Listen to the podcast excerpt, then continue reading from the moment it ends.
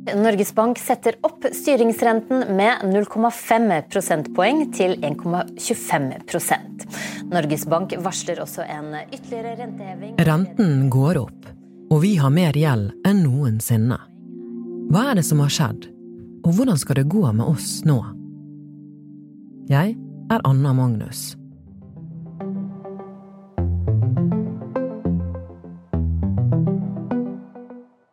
Anne Rokkan, du er kommentator i Bergens Tidende og siviløkonom fra Norges handelshøyskole. Jeg trodde det gikk kjempebra med økonomien vår. Altså, det går så det griner. Arbeidsledigheten har ikke vært så lav siden 2008. Vi har hatt eh, en lang periode med lav rente. Det som skjedde når pandemien kom, det var jo at Norges Bank satte ned renten, og at regjeringen samtidig kom med en del sånn støttetiltak for både bedrifter og privatpersoner. og tilskudd og permitteringsstøtte og alle mulige ting. Vi rigget oss for en smell. Så kom ikke den smellen. Men nå frykter flere av oss for fremtiden.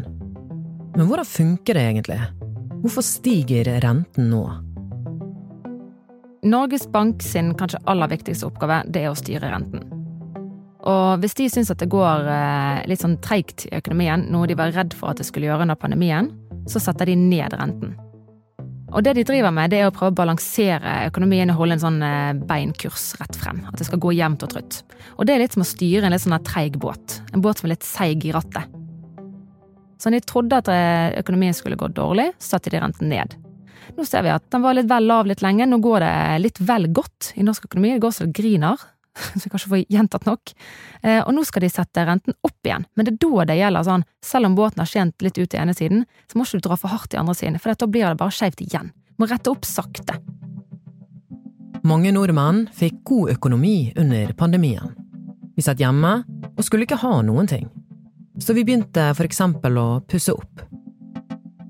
Anne forklarer så er det litt sånn ressursmangel i Europa, også delvis pga. pandemien. Da var det treighet på varer, det var en del metaller og innsatsfaktorer og råvarer som ikke kom frem, som ikke ble produsert fordi ting ble eh, stengt ned ymse steder.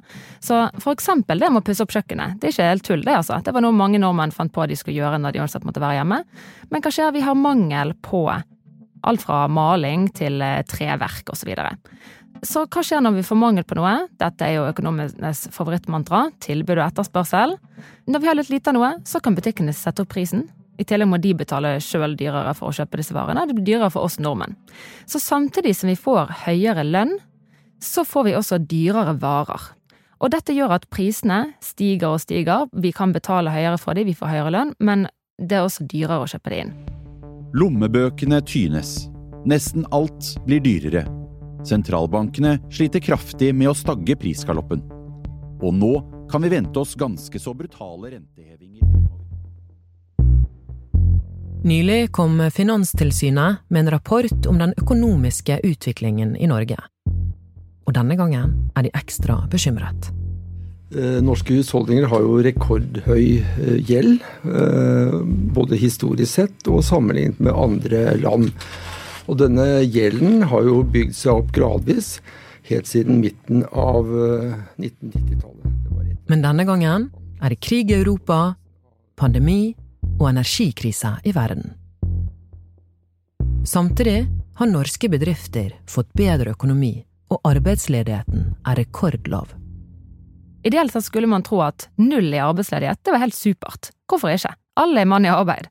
Men vi ser det at når arbeidsledigheten blir veldig lav, det vil si at du som bedrift ikke har noen arbeidstakere å ansette, så begynner altså lønningene å stige, som vi var litt inne på. Eh, og det er med på å drive inflasjonen opp, for høyere lønninger betyr at vi kan betale mer og overby hverandre, prisen stiger, inflasjonen øker.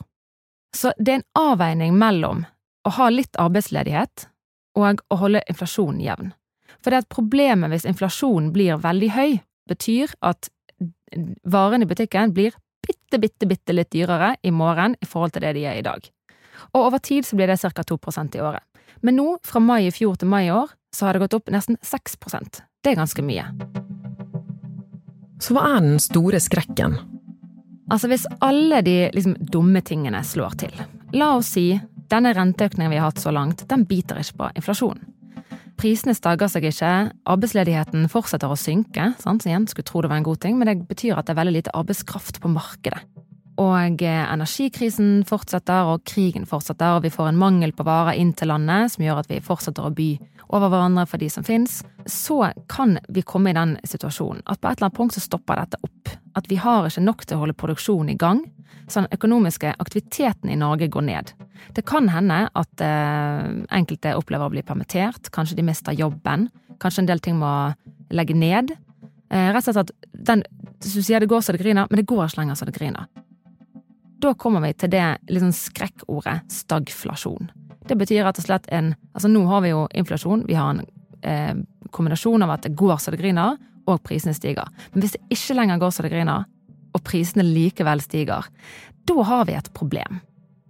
Og det aller verste som kan skje i Norge, siden vi har denne høye gjelden, og vi er så mange som sitter med høy gjeldsgrad Hvis eh, Norges Bank må fortsette å sette opp renten for å få bukt inflasjonen, så kan det ende opp med at en del av oss kjenner sånn, vet du hva, dette begynner å bli såpass knepent.